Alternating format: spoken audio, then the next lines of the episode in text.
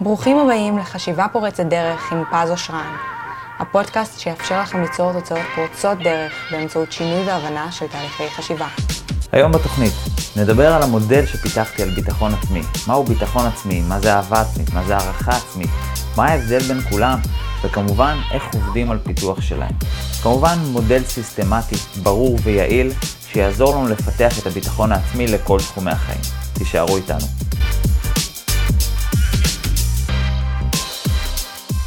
היי, היי, חברים, מה שלומכם? כאן שוב פז, מאסטר לחשיבה פורצת דרך ותקשורת בין אישית. היום אנחנו נדבר על ביטחון עצמי, יש לזה כמה מרכיבים. אה, אנחנו נתחיל לפרט אותם עד כמה שיותר לנו הזמן, כי זה באמת כמה מרכיבים שרוב האנשים לא באמת יודעים להבדיל מה ההבדל בין ביטחון עצמי, אהבה עצמית, הערכה עצמית. לא באמת יודעים את ההבדל, אה, רובם קוראים, רוב האנשים קוראים להכל ביטחון עצמי, וזה לא נכון. אבל חוץ מטרמינולוגיה, אה, למה באמת חשובה ההבחנה? כי כי ברגע שאני יודע איפה הבעיה או מה אני רוצה לחזק, אז הרבה יותר קל לי, אני יכול להיות הרבה יותר מדויק, ובשביל זה אנחנו נתחיל רק לדייק את הטרמינולוגיה, אה, בשביל שיהיה לנו קל להבין איפה היינו רוצים את החיזוק שלנו, כי לא כל אחד היה רוצה אה, להתחזק באותה מידה, אה, או לא כל אחד מרגיש שהוא צריך את העבודה על הביטחון העצמי במקום אחר. אתן לכם דוגמה, בסדר?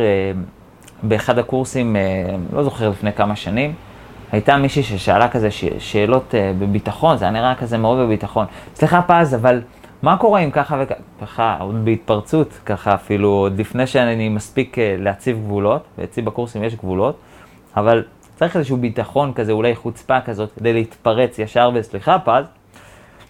ו... בשיעור הראשון אנחנו uh, תמיד מציבים uh, מטרות, מה השינויים שכל אחד רוצה לראות בחיים שלו, ואחד הדברים שהיא כתבה זה ביטחון עצמי, ושאר הכיתה הסתכלה ואמרה, מה ביטחון עצמי? כאילו, איך היה לך חוצפה בכלל להרים את היד ולצעוק פה מול כולם וכאלה. ואחד הדברים שהיא אמרה, בשבילי זה לא ביטחון עצמי, והיא צודקת. כי כל אחד, מבחינתו, כשהוא חושב על ביטחון עצמי, זה מקום אחר. ובשביל זה אנחנו נפרק את זה כדי להבין מה מה, מה המקום שלכם או מה המקום שאתם הייתם רוצים, זה בדרך כלל מתנקז לכמה בסיסיים. אה, זה לא מתחלק ליותר מדי אפשרויות, יש מין מכנה משותף להכל. אז אה, אנחנו באמת נבין אותם, אנחנו נקרא לזה גם בשמות הנכונים. מן הסתם, כשאני מדבר עם אנשים, אז אני תמיד אומר להם לחזק את הביטחון העצמי, גם אם זה בכלל הערכה עצמית, או גם אם זה דימוי עצמי, או גם אם זה משהו אחר. אה, כי זה לא באמת משנה לאנשים, זה רק, שוב, רק בשביל העבודה. אז בואו נבין קודם כל כל אחד מה זה, אה, למה זה חשוב, ו- ואז כמובן איך בונים את זה, שזה החלק הכי חשוב. נתחיל מביטחון עצמי, בסדר? ביטחון עצמי, אה, יש הרבה אנשים חושבים שזה או שיש לך או שאין לך, וזה לא נכון.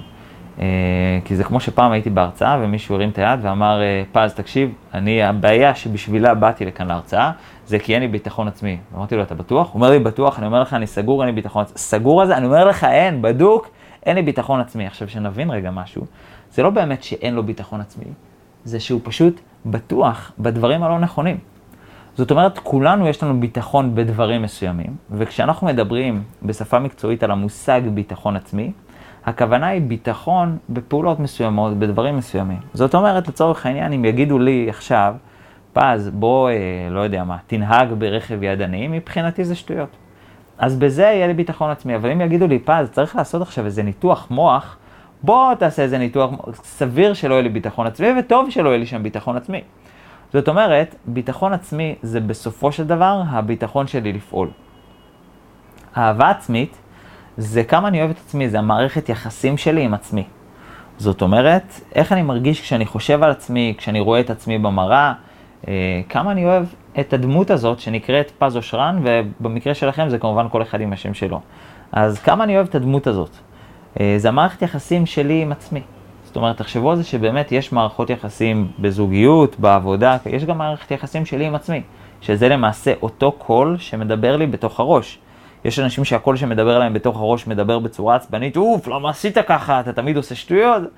זה מין מערכת יחסים לא אוהבת, ויש מערכת יחסים שהיא יותר אוהבת של, טוב, בוא נעשה ככה, זאת אומרת, בערך כמו שאנחנו מת, היינו רוצים להתייחס, לה, או מתייחסים לילד שלנו, או לאיזושהי דמות שאנחנו מאוד אוהבים, וזה נקרא אהבה עצמית. זאת אומרת, הסיבה שלצורך העניין לילד שלנו אנחנו מתייחסים ביותר רגישות, זה כי יש לנו יותר אהבה, בצער אני אומר את זה, אה, מאשר אהבה אלינו, איזה מערכת יחסים אוהבת, ולדבר הזה אנחנו קוראים אהבה עצמית. דימוי עצמי או דימוי גוף, זה בעצם ה, איך אנחנו מתייחסים, איך אנחנו אוהבים את הגוף שלנו ספציפית. יש אנשים שמסתכלים במראה וכל יום רק מחפשים בעיות, נזקים, אה, מה לא טוב, וזה יזדקן, וזה יתכמת, וזה כבר לא בסדר, וה, וה, והתחת גדול, והציצי קטן, והאודם כזה, והלחי כזה, והזה נופל. כל אחד ו, או אחת, זה יותר נפוץ אצל בנות משום מה בקליניקה שלי, אה, אבל זה ללא ספק נפוץ גם אצל גברים, גם אצל נשים, שזה בעצם איך אנחנו מסתכלים על הגוף שלנו, וזה דימוי עצמי או דימוי גוף. ואהבה עצמית זה בכללי, גם חיצונית וגם פנימית, כי כמו שכשאנחנו אוהבים בן או בת זוג, אז אנחנו מסתכלים על המכלול, כן? לא בטוח שכדי לאהוב בן זוג מספיק איך שהוא נראה, אה, או בת זוג, זה לא מספיק איך שהם נראים. זה ללא ספק גם מכליל את הפנימיות. אבל דימוי עצמי או דימוי גוף זה, זה רק חיצוניות. הערכה עצמית זה הערך או השווי שאנחנו נותנים לעצמנו, כמה אנחנו שווים, כמה אנחנו תופסים מעצמנו שווים, משמעותיים, אה, אה, באמת כמה אנחנו אה, תופסים את הערך שלנו, בגלל זה זה נקרא הערכה עצמית. יש גם עוד מושג שנקרא אמונה עצמית, שזה כמה אנחנו מאמינים בעצמנו, בעתיד שלנו, דברים כאלה. לא נראה לי שנספיק לכסות את זה בפודקאסט, אבל בואו ננסה ונהיה אופטימיים עד כמה שהזמן יותר לנו. אז זה בעצם רק ברמת הטרמינולוגיה. קחו רגע, לנח... רגע לנחש מה הדבר השווה או החשוב ביותר להתחיל ממנו. זאת אומרת, אם יש לכם את כל המרכיבים האלה שדיברנו עליהם, אם אני צריך לבחור במה להתחיל, אני אזכיר לכם בביטחון עצמי, אהבה עצמית, הערכה עצמית, דימוי עצמי או אמונה עצמית, במה נכון לי להתחיל. קחו רגע לנחש את זה, אמ, ואז אני אגיד לכם מה התשובה שרוב האנשים יגידו, שהיא לא נכונה, שזה ביטחון עצמי. זאת אומרת, מה זה לא נכונה? היא אולי נכונה לאנשים מסוימים, אבל באופן כללי, אם אני שואל מה קודם כל צריך להיות הכי חזק, זה אהבה עצמית. למה? כי אהבה עצמית זה המערכת יחסים שלי עם עצמי, ואם אני לא אוהב אותי, אני לא אשקיע בעצמי. תחשבו על זה שאנחנו נשקיע במה שאנחנו אוהבים. זאת אומרת, אם אני אשקיע באוטו שלי, כי אני אוהב את האוטו שלי. אם אני אשקיע בבת הזוג שלי, אני אוהב את בת הזוג שלי. זאת אומרת, מה שאני אשקיע בו, זה מה שאני אוהב אותו. וללא ספק, אם אני לא אוהב את עצמי, אין לי סיבה להשקיע. בשביל מה אני אבנה לעצמי עכשיו ביטחון? למה, מה אכפת לי אם יהיה לי טוב או לא יהיה לי טוב, או אם אני אעריך את עצמי? זה לא מעניין, אני לא אוהב את עצמי בכלל. ולכן הבסיס, ברגע שאני אוהב את עצמי, ואני מפתח מערכת יחסים בריאה ואוהבת עם עצמי, הרבה יותר קל לי לבנות את המרכיבים האחרים, כי הרבה יותר כיף לי וקל לי להשקיע. וכל המרכיבים דורשים השקעה, אבל אני לא יכול להשקיע כשאני לא אוהב את עצמי. ולכן הבסיס, קודם כל, תעבוד על אהבה עצמית, כי ברגע שאתה אוהב את עצמך, יהיה לך קל להשקיע. ההשקעה תהיה הרבה יותר פשוטה, הרבה יותר קלה, אה, הרבה יותר אה, גם נוחה, כיפית, תהיה יותר מוטיבציה, זה אחרת. ולכן אנחנו קודם כל רוצים להשקיע באהבה עצמית שלנו, שזה כמה אנחנו אוהבים את עצמנו. יש אנשים שחושבים שאהבה עצמית, אם תאהב את עצמך, חס וחלילה, תהיה שחצן. אגב, זה לא נכון. כי דווקא ברגע שאדם לא אוהב את עצמו, הוא נהיה שחצן, או ברגע שהוא לא מרגיש בנוח עם עצמו, אז הוא נהיה שחצן. בצורה מטאפורית, תחשבו על זה רגע, אמ, מה, מה זה שחצן? שחצן זה מי שנוהג להצהיר, אני טוב בזה ואני טוב בזה, ואיזה תותח אני כאן, ומה עשיתי פה ומה עשיתי שם. והרבה אנשים חושבים שזה עודף ביטחון עצמי, מה שלא נכון. בצורה מטאפורית, אם אני למשל טבח או שף, ואני עושה מנה, ואני מרגיש צורך להסביר למה המנה שלי טעימה או מוצלחת. מה בתוך תוכי אני חושב על המנה? האם אני מאמין שהמנה טעימה או לא טעימה? תחשבו על זה רגע בהיגיון. האם אני מאמין שהמנה הזאת היא מנה טעימה או מנה לא טעימה? עכשיו, ברור לכל בר דעת שאם אני צריך להסביר, אני כנראה לא מאמין שהיא, שהיא טעימה או שהיא טובה. כי אם היא טובה, אין מה להסביר. היא פשוט טובה. אין, אין מה להסביר. וזה תקף לא רק לאוכל, אלא זה תקף גם לעצמנו. זאת אומרת, אם אני באמת אוהב את עצמי, מאמין בעצמי, בטוח בעצמי, מחזק את הצדדים האלה, אני לא צריך להצהיר על זה כל הזמן, תראו איזה תותח אני, כי אני באמת מאמין בזה. אין לי מה זה. ולמעשה קורה מצב הפוך. דווקא אנשים שיש להם פגיעה בביטחון העצמי, או באהבה עצמית, או באחד המרכיבים האלה, מגיעים למצב שהם צריכים להשתחצן, או שהם צריכים אפילו להוריד אחרים. הרי חלק משחצנות זה גם המצב שבו מורידים או מקטינים אחרים. ואומרים, אתה חתיכת אפס, תראה מה אני הצלחתי ומה... זה המצב של שחצנות. אבל זה דווקא בחיים האמיתיים, זה קורה הפוך. זאת אומרת, ככל שאני יותר אוהב את עצמי, יש לי יותר אהבה לתת. הרי תחשבו על זה. האם אני יכול לתת משהו שאין לי? האם אני יכול לתת כסף כשאין לי כסף? ברור שלא. האם אני יכול לתת ביטחון כשאין לי ביטחון? גם לא. והאם אני יכול לתת אהבה כשאין לי אהבה? אז אני לא יכול לגרום למישהו אחר להרגיש בטוח, נאהב ומוערך כשאני לא יכול לתת את זה לעצמי. זה לא הגיוני. ולכן שחצנות היא, שזה הטעות המרה, ואנשים מפחדים מזה ומתרחקים לקצה השני. בהמשך אגב למה שדיברנו בפרק הקודם, מי שלא שמע ממליץ לכם, שכשאנשים מפחדים מקצה מסוים הם מתרחקים לקצה השני, אז כשאנשים מפחדים משחצנות הם מתרחקים לקצה השני, שזה חוסר ביטחון עצמי או חוסר הערכה עצמית, ודווקא משם מתפתחת השחצנות רוב הפעמים. זאת אומרת, שחצנות, המצב שצריך להקטין אחרים ולחפש מחמאות ולחפש הערכה ו... ולהיות צמאים ולחפש דרך להשיג את זה, זה דווקא מגיע מהמקום שבו לא באמת מאמינים בעצמנו, לא באמת מעריכים את עצמנו, לא באמת בטוחים בעצמנו. אחד המרכיבים החשובים האלה חסר. ולכן אנחנו, אין מה לפחד משחצנות, למעשה לא יהיה שחצנות כשאנחנו באמת מפתחים אהבה עצמית בריאה, ביטחון עצמי בריא, הערכה עצמית, כל המרכיבים האלה, כשאנחנו מפתחים את זה באופן בריא ונכון, זה לא יקרה, אין סיבה. ההפך הוא הנכון. יהיה לכם הרבה יותר קל לפתח אחרים, לתת לאחרים, כי לא תרגישו שזה מאיים עליכם. הביטחון שלכם לא יתערער. כי בסדר, יופי שהוא אה, גדל, זה לא בא על חשבוני. ויופי שהוא צומח ושהוא מצליח, זה לא מערער את הביטחון שלי בעצמי, כי אני מספיק בטוח בעצמי, ביכולות שלי, במה שאני מסוגל לעשות, שזה לא מערער את זה. אין לי ממה לפחד, אין לי ממה לחשוש, ולכן זה בסדר גמור. אני מקבל את זה, ואפילו אני אעזור לו להצליח, ואני אעזור לו להתפתח, ואני לא צריך להקטין אף אחד. אז, אז שחצנות, אין סיבה לפחד ממנה, אה, והדרך, מי שכל כך חשוב לו להימנע מזה, זה דווקא לאהוב את עצמו, להעריך את עצמו ולבנות את עצמו. זה הדרך הטובה ביותר לעזור לאחרים. יש משפט טוב שאני מאוד אוהב אותו בעולם העסקים, שאומרים שהדרך הטובה לעזור לעניים זה לא להיות אחד מהם. ואני מאוד אוהב את המשפט הזה, כי תחשבו על זה, שפעם אני חשבתי לפחות שדרך לעזור לעניים זה לתרום להם כסף. אבל בסופו של דבר מה שהביא חלק מהם להיות עניים זה גם קבלת החלטות לא נכונה, זה ניהול כספים לא נכון, אפשר לראות את זה הרבה פעמים מקבצי נדבות בצמתים, שעם סיגריה ביד אומרים תביא לי כסף, אז הוא יקנה בזה סיגריות. זאת אומרת, זה עצם החלוקת כספים הלא נכונה או ההתנהלות הלא נכונה, והדרך הטובה ביותר דווקא לעזור לעניים זה לאו דווקא אם תיתן להם כסף, שזה מה שחשבתי בעבר, אלא הפוך, אם לא תהיה אחד מהם ותיתן להם השראה ודוגמה אישית לאיך כן להתנהל. והנה אפשר אחרת, ואפילו אם, אם אדם התחיל עני ואז הוא הגיע למצב שהוא מצליח, זה דרך הרבה יותר טובה, כי כאילו בואנה, התחלת חלק ממני, איך הגעת למצב הזה, זה מעורר הרבה יותר השראה, ומאוד התחברתי למשפט הזה, זה תקף גם לביטחון עצמי, והדרך הטובה ביותר לעזור, או לא להשתחצן, או, או לעזור לאנשים, לצורך העניין שאין להם ביטחון, או שאנחנו רוצים אה, לעזור ולפתח אותם, זה דווקא לבנות את עצמנו. ועם כמה שזה נשמע פרדוקסלי, כשאנחנו בונים את עצמנו, אנחנו עוזרים לאחרים.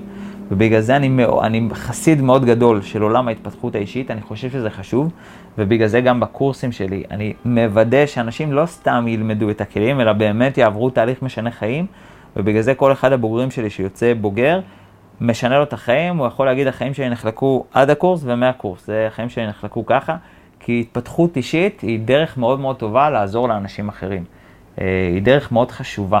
אז אני מאוד חסיד של התפתחות, של התפתחות אישית, ובגלל זה לבנות את עצמנו זה basic לכל דבר. לא סתם אגב, גם כשאנחנו טסים, אז אה, מי שראה את הסרטוני טיסה או את ההסברים, אז אומרים, אם אנחנו נכנסים לאיזה כיס אוויר או למצב שאין uh, חמצן, אז, וירדו מסכות חמצן, קודם כל תשימו לעצמכם, אחרי זה תעשו למישהו אחר. עכשיו, על פניו זה לא הגיוני. אם אני אימא, ורוב האימהות יגידו, אם לא כל האימהות, יגידו, הבן שלי יותר חשוב, חשוב ממני. זאת אומרת, עדיף, אם אני צריכה לבחור, עדיף שהבן שלי יחיה ואני אמות, מאשר הפוך. זה מה שיגידו רוב האימהות. אמ, אז על פניו, נשים קודם כל לילד שלי, כי אם אני צריכה לבחור, אז בואו נשים לו מסכת חמצן ואחר כך לי. אז למה אומרים לנו בטיסה, קודם תשימו לעצמכם ואז לאחרים? כי מה שקורה, שכשאנשים מגיעים למצב הזה והם בלחץ והם דואגים קודם כל לילד או לאדם אחר ושמים לו, אז לפעמים הם לא מצליחים ולפעמים זה קצת מתפקשש, והם נחנקים, אז הם לא יכולים לתפקד כמו שצריך.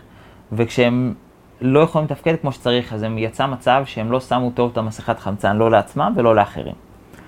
ובמצב הזה, כביכול, שני, שנינו הפסדנו.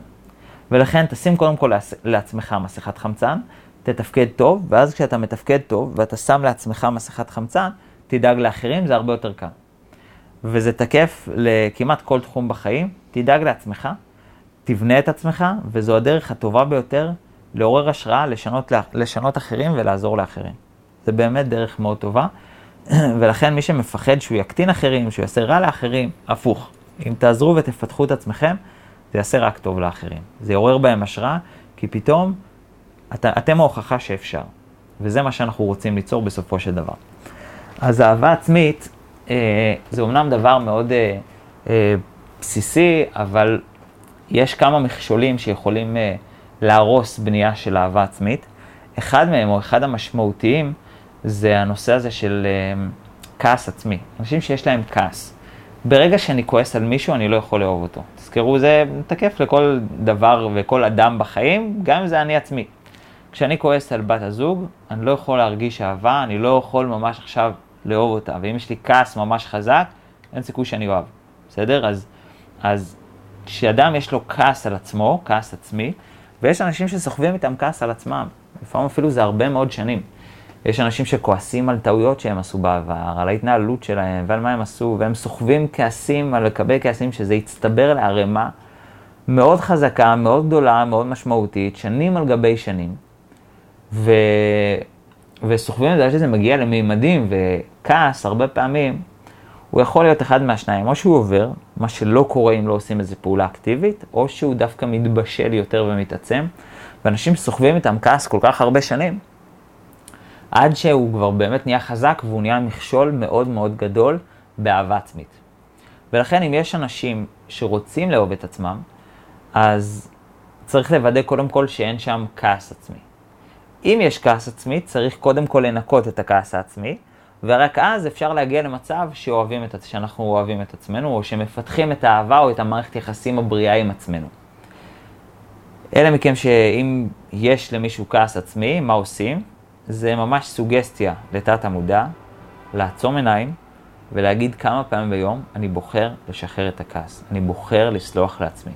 אפשר ממש לדמיין איזושהי דמות שהיא אתם עצמכם, ולבקש ממנה סליחה, או לדמיין את הדמות מבקשת מכם סליחה, ומפרטת, אותה דמות מפרטת על כל הדברים שעליהם היא רוצה לבקש סליחה. סליחה על הטעות שעשיתי ככה, סליחה שהתייחסתי אליך בצורה כזאת, סליחה. כל הדברים, זה מאוד מאוד משחרר, עצם ההקשבה אליהם. גם בחיים, כן? אם אתם כועסים לבן זוג והוא מבקש סליחה והוא מפרט על כל הדברים, זה משחרר את הכעס. אז אותו דבר עלינו, עלינו עם עצמנו, במערכת יחסים שלנו עם עצמנו. אם מישהו יש לו אה, כעס עצמי, אה, אז זה ללא ספק מכשול גדול בפיתוח אהבה עצמית, ולכן קודם כל, לפני שאני בכלל בונה אהבה עצמית, לפני שאני בונה ביטחון עצמי, אם מגיע אדם כזה אליי לקליניקה, אני קודם כל אומר, בוא נשחרר את הכעס ואחרי זה נבנה. כי אנחנו לא יכולים לבנות דברים בכעס. אז בוא קודם כל נשחרר את זה. ועצם זה שאדם חוזר, לפעמים אני אפילו מקליט לו איזה סוגסטיות או איזשהו משהו לשמוע, או שאני אומר לא, תעשה את זה, אה, תעשה את התרגיל הזה בדמיון שלך, אז עצם זה כבר מפתח אה, את החופש הזה מכעס, את התחושת שחרור הזה מכעס, שזה מה שאנחנו רוצים, כדי שנוכל לבנות אהבה עצמית. אם הגענו למצב שבאמת אין אה, כעס ואין אף אחד מהמכשולים, יש כל מיני סוגים של חסמים, אני לא אכנס לזה כרגע, כי זה באמת, אנחנו לא, לא נתקדם, אבל, אבל שוב, כמו שאמרתי, אני כתבתי על זה ספר שלם, ומי שרוצה את כל החסמים ואת כל השיטה, אה, מוזמן להציץ בספר, הוא באמת מדהים. נגיע ישר לאהבה עצמית. איך בעצם אנחנו מפתחים את האהבה עצמית? ודרך טובה לפתח אהבה עצמית, אה, זה כמו שאנחנו אוהבים כל דבר וכל אדם. אני אתן לכם רגע דוגמה ואני אסביר איך זה עובד. אם אני אגיד לכם למשל, אה, תחשבו על אדם שאתם אוהבים. וכשאתם חושבים על אדם שאתם אוהבים, תאפיינו לי אותו בשלוש תכונות. תחשבו איזה שלוש תכונות, איזה שאתם רוצים, שמאפיינות את אותו אדם. קחו רגע לחשוב על שלוש תכונות שמאפיינות את אותו אדם. יש לכם? עכשיו תחשבו על אדם שאתם לא אוהבים. כל אדם שאתם רוצים, לא משנה אם מהעבר הקרוב, רחוק, מכירים, לא מכירים, שאתם לא אוהבים. הכי פחות אוהבים, ואם יש לכם שונאים, מה טוב. טוב בשביל הדוגמה, כן? לא טוב לחיים. עכשיו, תאפיינו לי אותו בשלוש תכונות. איזה שלוש תכונות שאתם רוצים שהכי מאפיינות אותו. וכשיש לכם, תראו קטע, שהאדם שאתם אוהבים, אפיינתם סביר מאוד בשלוש תכונות חיוביות, והאדם שאתם לא אוהבים, אפיינתם סביר או בשלוש תכונות שליליות, או לפחות ברוב של תכונות שליליות. זאת אומרת, שתיים שלילי, אחד חיובי. ולמעשה, אם נשים את האמת על השולחן, לכל אדם יש חיובי ולכל אדם יש שלילי. אין אדם באמת מושלם ואין אדם באמת גרוע. כן, כל אדם יש לו את הדברים שהם באמת תכונות חיוביות, ויש לכל אדם את הדברים שהם תכונות שליליות, תכונות לא טובות, תכונות דפקטיביות, מה שאנחנו קוראים לזה בשפה מקצועית. כל אדם יש לו את זה, רק מה השאלה איפה אנחנו שמים לזה את הפוקוס, איפה אנחנו, איפה תשומת הלב שלנו. ואגב, זה מנגנון שקיים לנו במוח, שכשאנחנו אוהבים למשל אה, בן, בת זוג, אנחנו אוהבים מישהו, אנחנו ממש עיוורים לחסרונות של הבן אדם. זה חלק ממה שעוזר לנו לאהוב, זה איזשהו מנגנון במוח. ולכן, האהבה עצמית, או כל אהבה בעצם, נבנית לפי איפה הפוקוס שלי. אנשים שלא אוהבים את עצמם, הם בעצם ממוקדים בכל הדברים השליליים שיש להם. למרות שאמרנו, לכולם יש חיובי ושלילי. אנשים שאוהבים את עצמם, הם בעצם ממוקדים במה שהם אוהבים בעצמם. ולכן הדרך לשנות אהבה עצמית, זה להתחיל להתמקד בדברים החיוביים. ברור שיש חיובי ושלילי, ואני אגב לא חושב שזה נכון לעשות כמו המנגנון במוח של אהבה עיוורת, שהוא נותן לו להתעלם מהדברים השליליים, לא צריך להתעלם מהם, אבל לא צריך לתת להם את כל הפוקוס ולא צריך לחיות אותם, אלא כן צריך לשים את כל הפוקוס בדברים החיוביים, וכמה שיותר לזכור אותם, לחגוג אותם, שכשיבקשו מכם שלוש תכונות על עצמכם, הדברים הראשונים שיעלו לכם זה התכונות החיוביות שלכם. אה, ככה אגב, אתם יכולים לדעת כמה אתם אוהבים את עצמכם. אני אגיד לכם, תאפיינו את עצמכם בשלוש תכונות. אם עלו חיוביות, אתם יותר אוהבים את עצמכם, אם יותר שליליות, אתם יותר לא אוהבים את עצמכם. אז ברגע שאני אשים את הפוקוס, לשים ממש את הפוקוס בתכונות החיוביות, אני כבר מתחיל לפתח אהבה עצמית, בדיוק כמו עם בן או בת זוג, אני מתחיל להכיר את הצדדים החיוביים. אה, וככה אני מתחיל לפתח אהבה. אז ממליץ לכם בכל מי שרוצה לפתח אהבה עצמית, זה להתחיל לרשום כמה שיותר תכונות חיוביות, דברים חיוביים. זה יכול להיות דברים גם פנימיים, כמו אני אוהב את הרגישות שלי, אני אוהב את ה... אה, לא יודע מה, כל אחד והזה שלו, את הכריזמה שלי, וזה יכול להיות גם דברים חיצוניים, אני אוהב את העיניים שלי, אני אוהב את העור אה, פנים שלי, כל אחד מה שהוא רוצה. בסדר, יכול להיות חיובי, יכול להיות, יכול להיות צריכה פנימי ויכול להיות חיצוני. מה שאתם רוצים, שלכם, אבל ככל שיהיה יותר דברים חיוביים, ככה האהבה העצמית שלכם תגדל. מה שחשוב זה לא הכמות, זה היחס.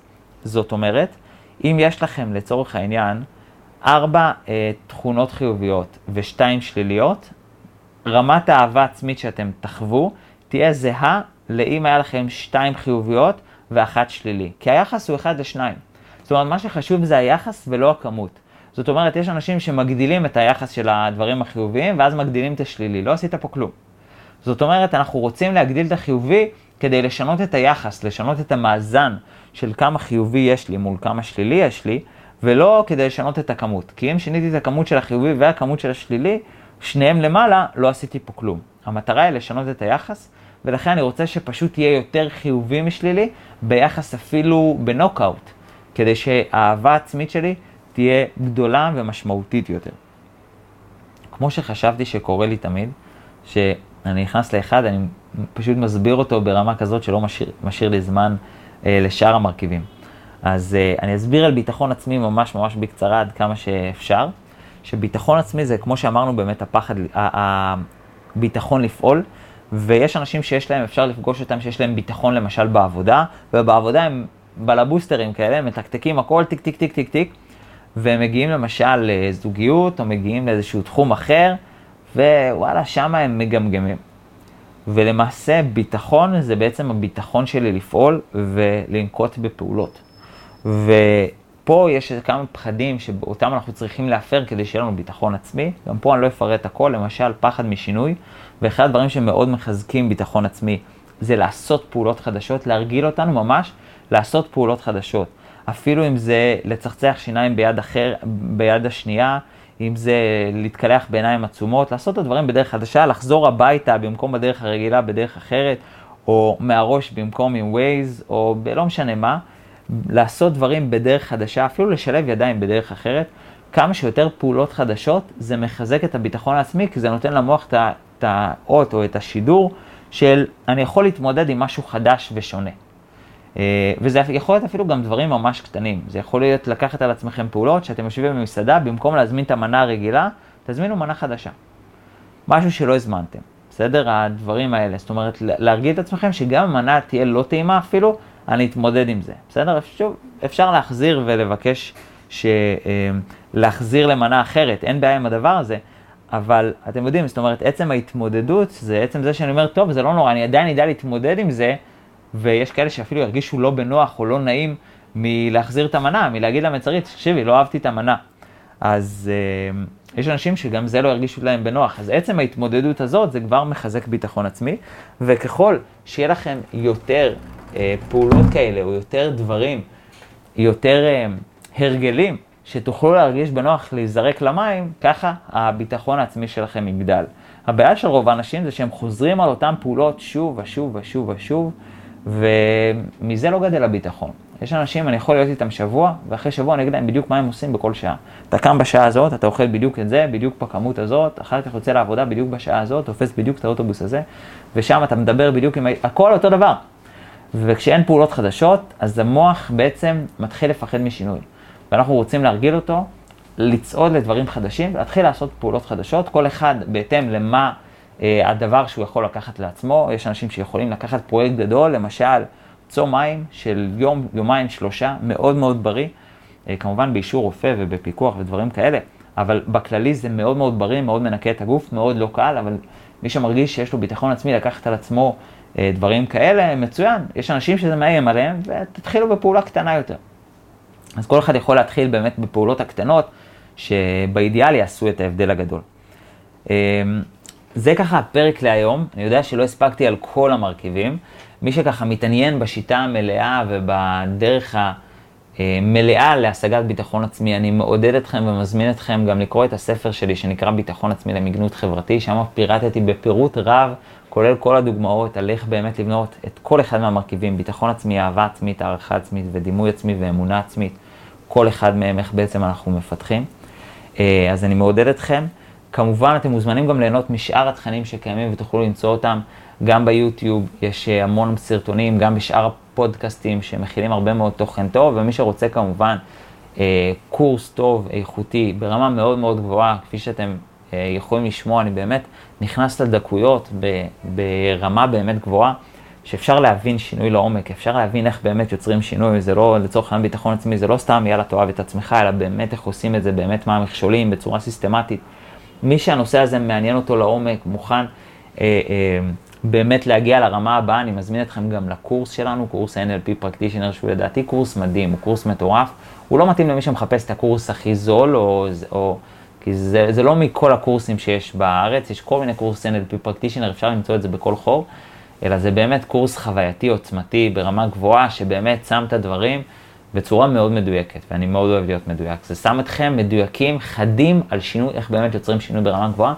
מי שזה מעניין אותו, אה, יכול ליצור איתי קשר או בעמוד הפייסבוק, פז אושרן, חשיבה פורצת דרך, או כמובן מתחת לכל סרטון ביוטיוב יש אה, פרטי התקשרות, אז תרגישו חופשי. תודה רבה לכם על ההקשבה, אם אהבתם תשתפו, תנו לאנשים אחרים להקשיב, אני אשמח שה... התוכן הזה יופץ הלאה, אנחנו ניפגש בפודקאסטים הבאים. תודה על ההקשבה. שיהיה לכם המשך יום או שבוע מצוין איפה שאתם. אוהב אתכם.